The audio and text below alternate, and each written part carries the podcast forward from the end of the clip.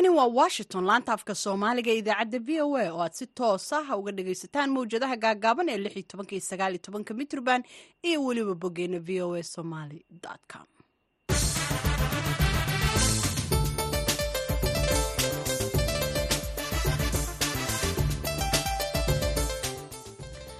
subax wanaagsan dhegaystayaal waa aroornimo talaado ah saddexiyolabaatanka bisha janaayo sanadka labada kun iyo afariyo labaatanka idaacadda saaka iyo caalamka. Waxaa idinla socodsiinaya anigoo ah falastiin axmed iimaan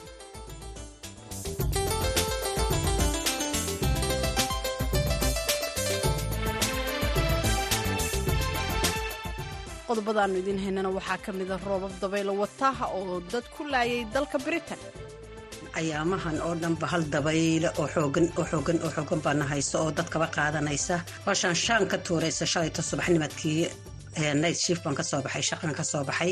Waaba ii qaadan gaadhay naftaydaan u yaabay naftayda. Dabeetana shalayto geele dhammaan maalin weyntii guriga kama bixin. Roobab iyo dabaylo iyo qabow iswata oo maasha allah dee aad yaabaysid ayaa maxay tay sidaa xawuriga ku soconaysa aad yaabaysid baarlamaanka soomaaliya ayaa ansixiyey xisaab xirka miisaaniyadda sannadkii labadii kun waxaa kaloo aad maqli doontaan kismaayo oo guryo loo qaybiyey dadka barakacayaasha ah. Waqti dheerna ay raadinayeen inay helaan dhul ay leeyihiin oo ay degaan. Qodobadaasi iyo warar kale ayaannu idiin haynaa marka horese ku soo dhowaada warkii caalamka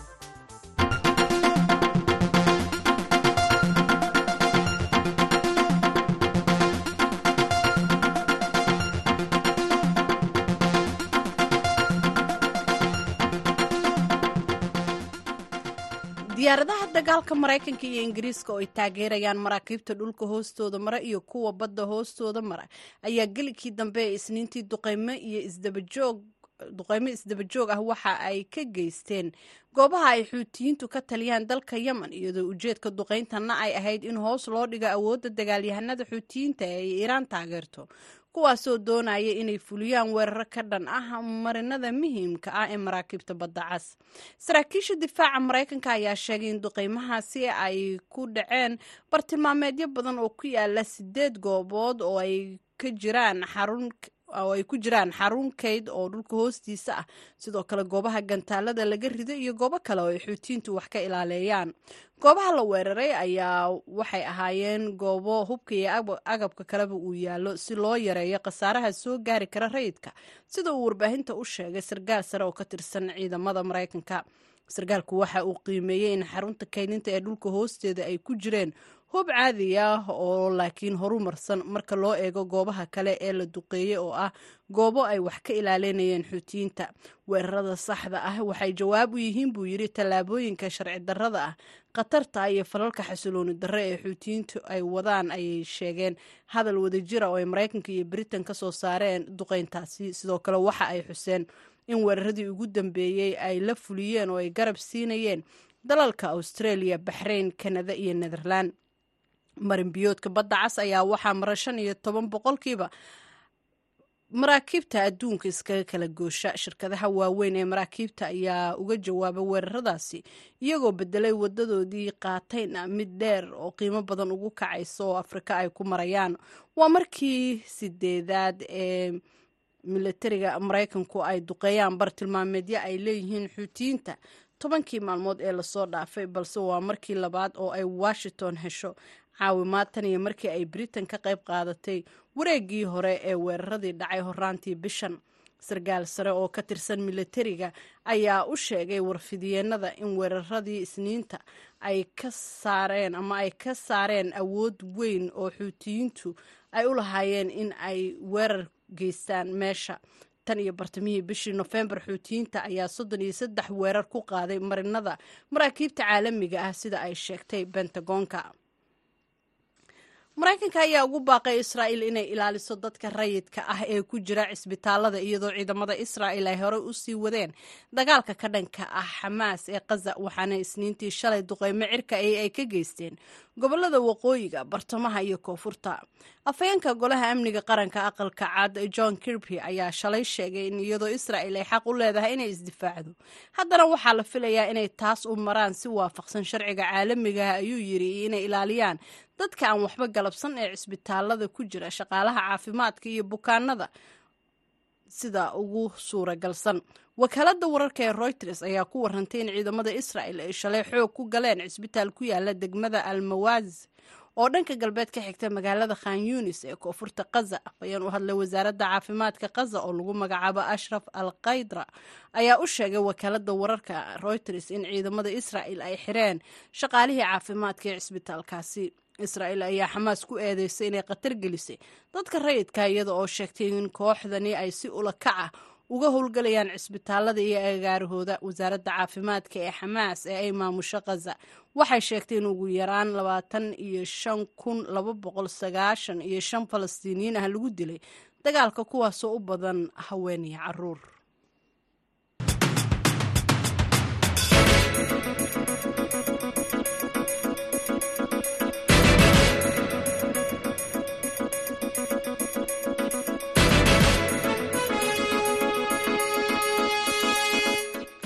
halkaad nagala socotaana waa v o a washington.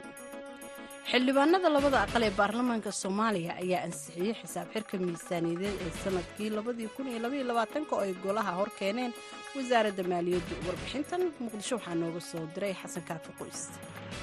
Xogayaha guddiga maaliyadda ee labada aqal senatar cabdulqaadir xuseen ayaa ugu horreyn baarlamanka ka hor akhriyey warbixinta xisaab xirka miisaaniyad sannadeedka labada kun iyo labaiyo labaatanka waxaana uu codsaday in xildhibaanadu ay meel mariyaan. Wadarta guud ee miisaaniyadda labada kun labaatan labada loo qoyndeeyey waxay ahayd sagaal boqol afartan iyo afar milyan siddeed boqol konton iyo sagaal shan boqol lixdan iyo afar dollar. Waxaa soo xarooday dakligii dhan todoba boqol lixdan iyo sagaal kun laba boqol soddon iyo toddoba afar siddeed boqol konton siddeed boqol afartan iyo sagaal. Isla waxaan soo xaroon lacag dhan boqol toddobaatan iyo shan kun toddobaatan iyo shan milyan lix boqol labaatan iyo kow toddoba boqol toban iyo shan dollar taasoo u dhigantaa lacag dhan toban iyo sagaal ku miisaaniyadda loo qondiyey dhanka qarashaadka markii saadaalintii wixii la fiiriyey iyadana waxaa soo xarootay sagaal boqol labaatan iyo sagaal kun sideed sagaal boqol iyo konton labaatan iyo afar shan boqol lixdan toddoba. Waxaana baxay wadar dhan todoba todoba boqol todobaad todoba boqol soddon iyo kow milyan afar boqol soddon iyo afar lix sideed boqol lixdan iyo lix taasoo ka dhigan inuu jiro hoos u dhac dhanka boqolkiiba labaatan iyo kow ah.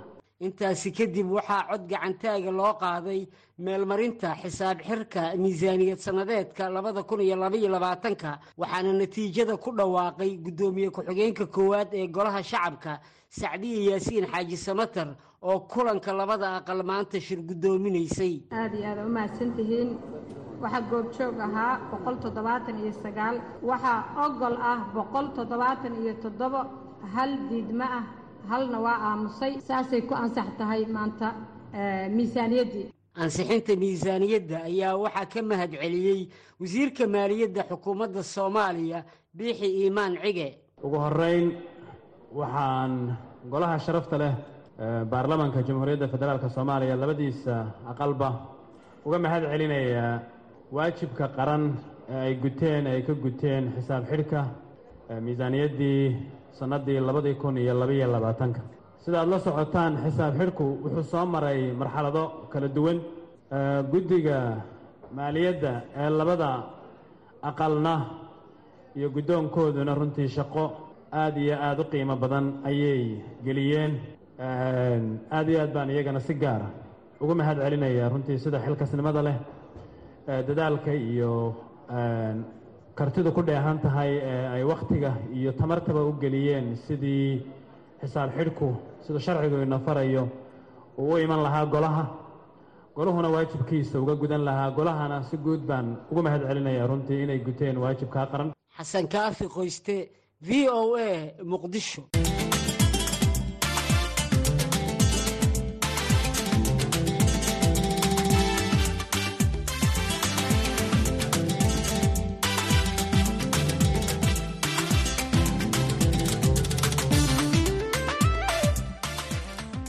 wanaagsan mar kale britain laba qof ayaa inta la xaqiijiyo ku dhintay roobab wata duufaano loo bixiyey isha oo ku socda xawaare gaaraya sagaashan iyo sagaal mayl saacadiiba iyada oo dabeelahaasi ay fujiyeen dhir waaweyn. Sidoo kalena waxaa dumay dhismayaal badan iyada oo saameyn weynna ku yeeshay isku socodka gaadiidka noocyadiisa kala duwan. Haddaba warbixin ku saabsan amuurtan waxaa london nooga soo diray wariyaha v o eda ee yurub cabdixaafid cawil ismaaciil isbeddelka cimilada ee caalamku sanadihii ugu dambeeyey ka digayay in ay run tahay waa wax muuqda. Subaxnimadii hore ee shalay mar aan bannaanka u baxay waxaad dareemaysaa xoogga dabeelaha dhacaya ay lahaayeen. Waxaad maqlaysaa guuxa in duufaano jiraan. Dhinacna waxaa marmarda-ayay roobka nooca loo yaqaano mahiigaanka waana roobka da'a arooryada hore. Waxaan dhex taaganahay bartamaha magaalada xili hore. Sanqadha aad maqlaysaana waa dabeysha oo runtii aad dareemayso nin siddeed iyo afartan jir ah ayaa dhintay kadib markii gaadhigii uu watay uu dusha kaga dhacay geed dabeeluhu ay soo riteen mandaqada scotland. Halka nin kale oo lixdan jir ahaa uu ku naf waayey laba baabuur oo isku dhacay geedna uu dusha kaga dhacay mandaqada waqooyiga ireland waxaana sababay roobabka duufaanka wata guud ahaan britain hay'adda saadaasha hawada ayaa soo saartay digniinta duufaanada kadib markii dhir badan ay gunta ka soo gooyeen dabeelaha dhacaya. Waxyeelo weyna soo gaarsiisay guryo badan iyo dhismayaal kala duwan. Kumanaan guri ayay korontadii ka tagtay. Digniinaha midabka jaalaha ah oo dhexdhexaad ah ayaa lagu soo saaray deegaano badan oo dalka ku yaalla halka meelo badanna laga soo saaray digniinta casaanka ah dhammaan shacabka reer britain. Waxa ay dowladdu kula talisay in ay guryaha joogaan safar haddii ay u baxayaanna ay baajiyaan.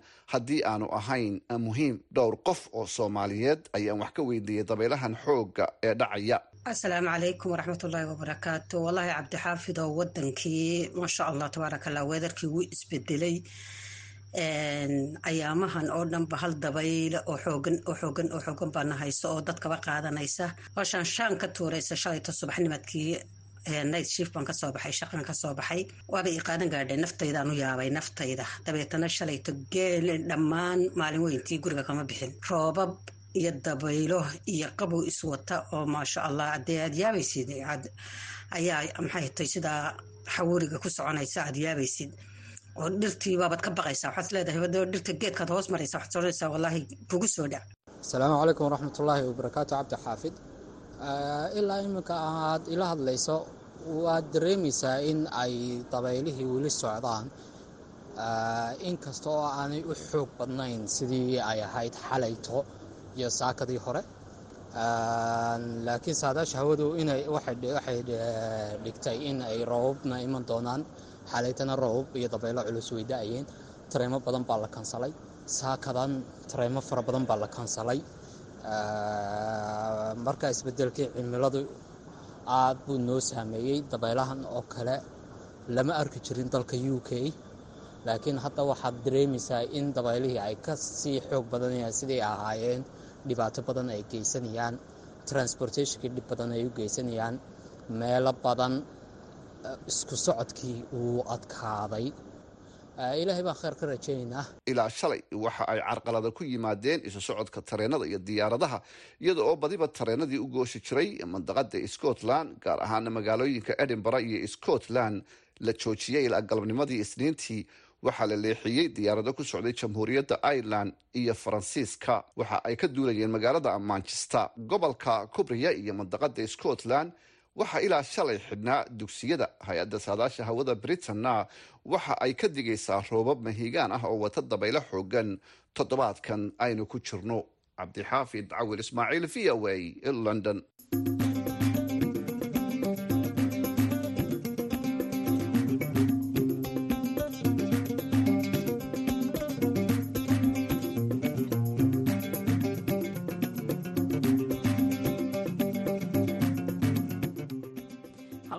waa v o a washington.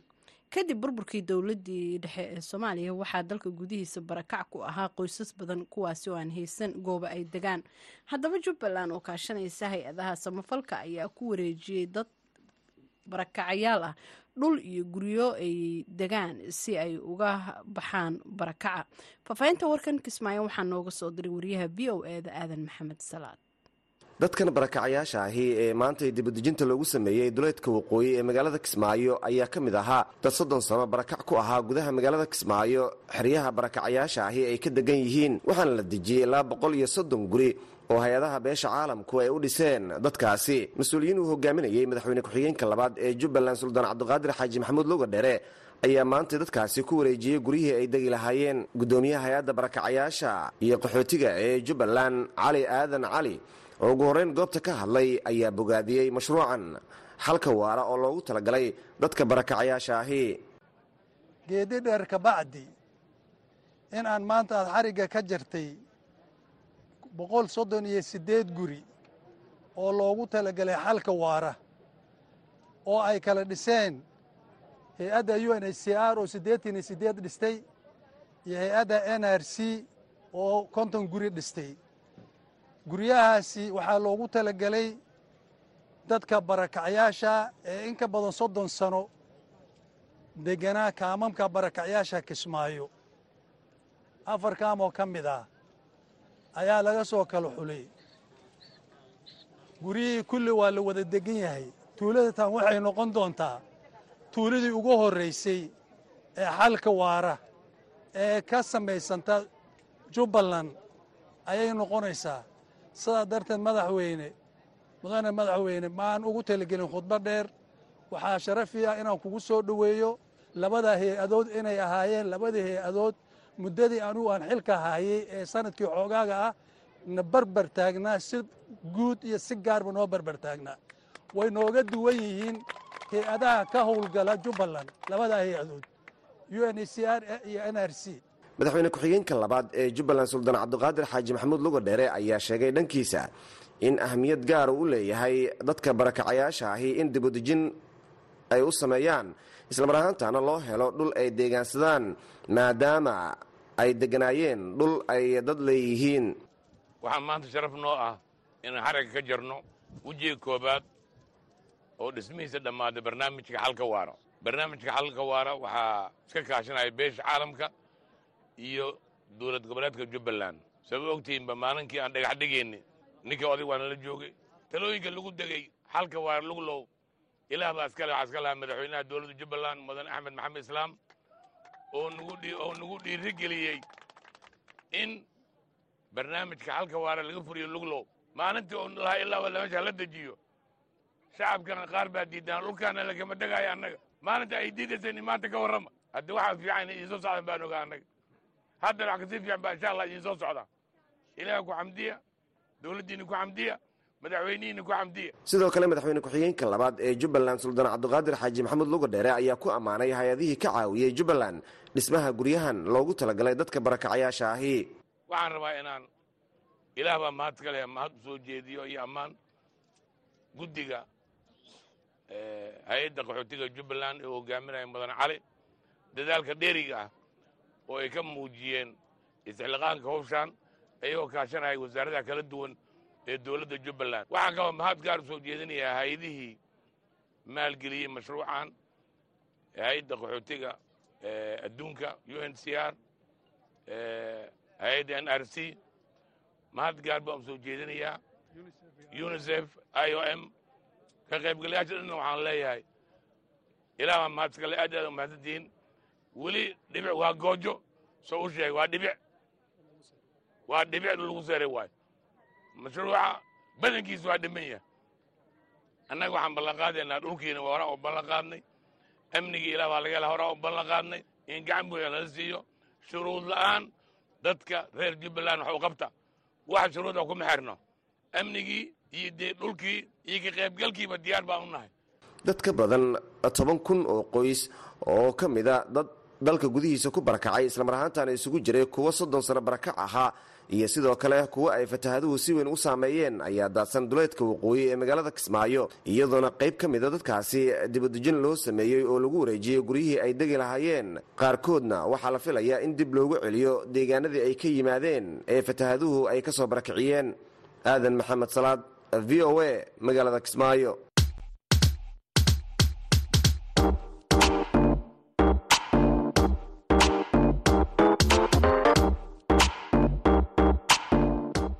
idaacadda v o a. Waxaad si toos uga dhegaysan kartaa efemyada magaalooyinka geeska afrika. Haddii aad joogto magaalada muqdisho waxaad v o a ka dhegaysan kartaa v o e da f m teda sagaal iyo sagaashan dhibic sagaal iyo raadiyo muqdisho f m teda sagaashan dhibic eber eber. Redio kulmiye f m-ta sideed sideed redio resala hal eber labo dhibic labo hargeysa sideed sideed dhibic eber v o a. Haddii aad kismaayo joogto v o e da waxaad ka dhegaysan kartaa raadiyo sooyaal f m sideed sideed dhibic eber gobolka hiiraan hiiraan weyn f m sagaashan megaherts redio baydhaba siddeetan iyo sagaal dhibic shan f m.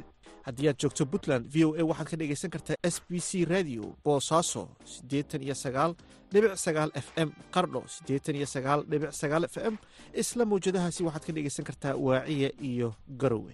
Wajeer waxaad naga dhegaysan kartaa star f m sagaashan iyo toddoba dhibic saddex mandheera waxaad naga dhegaysan kartaan star f m sagaashan iyo toddoba dhibic shan. Dhadhaab waxaad naga dhegaysan kartaan star f m sagaashan iyo toddoba dhibic hal iyo sagaashan iyo laba dhibic afar. Waxaa kaloo aad naga dhegaysan kartaan boqol iyo toddoba dhibic lix f m. Xagar dheerna waxaad naga dhegaysan kartaa sagaashan iyo toddoba dhibic hal f m. Koox dhallinyaraha oo isugu jira qurba joog iyo kuwa dalka gudihiisa jooga oo ka soo jeeda gobolka odal ayaa isku xilqaamay inay taageero u fidiyaan dadka saboolka ee nolosha ku adkaato. Kooxda dhallinyarada ah ayaa hindisahoodan ka bilaabay inay ururiyaan ardaydii ay fasalka ama dugsiga wax ka wada baran jireen ee hadda ku kala sugan daafaha caalamka. Warbixin arrintan ku saabsan waxaa inoo soo diray waryaheena haashim sheekh cumar good. Qaar ka mida qurba joogta ka jeeda gobolka awdal ayaa bilaabay hab samafal ah oo ay ku caawinayaan saaxiibadii hore ee dugsiyada ay wada bilaabeen gaar ahaan kuwa xaaladoodu liidato ee aan awoodin maaraynta nolol maalmeedkooda. Maxamed nuur cige wuxuu ka mid yahay aasaasayaasha ururka samafalka ee kaalmo ee degan dalka u k. Wuxuu iiga warramay marka hore ujeedooyinka waxqabad ee ay u yegleeleen ururkan. Waxaan deganaa ingiriiska dhowr iyo soddon sano hadda inkastoon iminka u badanahay boorame ururkan kaalmo waxaa aasaasay group yaroo classmates oo u k degan ingiriiska yaa bilaabay. Waxaanan ku bilownay oo ujeedadiisa koowaad ahayd in classmateskayga ama dadkan iskuuladka ahayn qofkee noloshu ka yar ciidatay ama xanuunsan aynu caawino markii aynu maraynay markaa tobankeega aan maraynay ilaa shan qof lix qof aan caawinay ayaa waxaa nagu dhashay fikir ah inaanu ballaadhino classmateskii oo dhan raadino kadibna aan raadinay waana ballaadhinay gobollada waxaan jeedaa yurub oo dhan iyo maraykanka iyo canada iyo africa iyo ilaa asian ku fidinay. Sanad iyo badhun baan jirnaa imika ururkan uu jiraaba wakhtigan ururka kaalmo ayaa waxaa xubno ka ah ku dhowaad boqol iyo afartan xubnood oo dalka dibaddiisa iyo gudihiisa degan kuwaasi oo jeebkooda ka bixiya qaadhaanka deeqda ah ee lagu kaalmeeyo dadka ay isku wakhtiga ahaayeen sida uu mar kale maxamed nuur uu tilmaamayo maanta oon kula hadlayo boqol iyo soddon iyo shan qof iyo balas haddayna ka badnayn iyo membariska ah oo ku jira. Waxay u badan yihiin boqol kiiba siddeetan. Waa dadkii bilaabay iskuulka bilowgan ka hadlaynaa waa dadkii bilaabay iskuulka laakiin waxaa nagu jira in yar oo iyaguna bilaabay iyo qaar bilaabay. Way nagu jiraan iyaguna. Laakiin majority-ga dadku waa oo iskugu jira dee rag iyo dumarba. Rag iyo dumarba iskugu jiraan. Dhinaca dhaqaalaha ilaa imika maadaamaan ururkan uu cusub yahayba uu sanad iyo badhun jira imika. Boqol kiiba sagaashan waa jeebkeyga annaga hadda. Way jiraan dad aanan annaga runtii ahayn classmates nala ahayn oo naga horreeyey aad nooga horreeyey iyo qaar aad nooga dambeeyey oo ka qayb qaata oo caawimaadda hadda aan ururinoo kale iyaguna contribution ka bixiya. Maadaamaan annagu ururkan waxa weeyaan waa urur aan ka raadinaynin isagu faa'iido ama siyaasad aan shaqo ku lahayn aanan faa'iidana ka raadinaynin injineer cabdirashiid cumar oo isaguna ka mid ah howlwadeennada ururka kaalmo ee degan dalka gudihiisa ayaa xusay in muddada uu jiray ururku qabtay caawimo ka badan tii loo aasaasay oo ay ka mid yihiin inay caawiyaan bukaanada cusbitaalka qaaxada ee magaalada boorama iyo waadhadh ay ku kordhiyeen cusbitaalkaasi guud ee magaalada boorama waxaan kala kulannay isbitaalka t b-da oo ay dad soddon qofi dhex degan yihiin. Cid cunto u karisaana aynan jirin. Dadkaasna ay dhibka ugu weyn qabeen. Taasi waxay nagu kaliftay inaan kaalmo foundation ahaan aan dadkaa damaanad qaadno. Bil walba waxay qabaana kaalmo foundation baa siisa hal sanaan soo wadnay. Haddana waxaan u haynaa lix bilood oo kale. Waxaana go'aan ku gaadhnay intaan nool lahay inaan dadkaana kora soo qaado tii waan ka soo gudubnay. Maasha allah allah barakeeyo weli waa kaalmo iyo jeebkeedii wn external waxaa jira waxoogaa dad iyo dumar kale oo dibadda nagaga soo biiray waa gudo iyo dibadba intiaan classmaidka ku ahayn. Waxa soo kordhay. Oon isnidhi warniya un dhibaatada kale isbitaalka boorama jirta. Maxaad ka qaban kartiin? Waxaa lanagu yidhi qalliinka ayaa hoolasha qalliinka nagu yar ee naga caawiyo. Tiina waxay keentay inaan maanta u dhisnay laba hool iyo qof service oo dressinka ka dhigtaan. Serjariga hore aan ugu xidhnay maantana aan xadhigga ka soo jarnay. Insha allah sanadkana waxaan ku dadaalaynaa projectska noogu soo horeeyay waxa weeyaan. Kii t b da inaan bisha labaad afarteeda bixino lixdii bilooda soo socotay waxay cuni lahayn ururada noocan ah ee iska kaashanayaan qurbajoogta iyo qulquljoogta gobolka awdal ayaa ah kuwo inta badan daboola. Baahiyaha asaasiga ah ee bulshada islamarkaasina ah si iskaa wax u qabso ah taasoo gobolku uu hore u ahaa meelihii laga aasaasay iskaa wax u qabsada bilowgii gobonnimada dalka. Haashim sheekh cumar good v o a boorama markana gabagabada idaacaddaanu ku sii dhowaaneynaa dhinacii heesaha codka deeqa axmed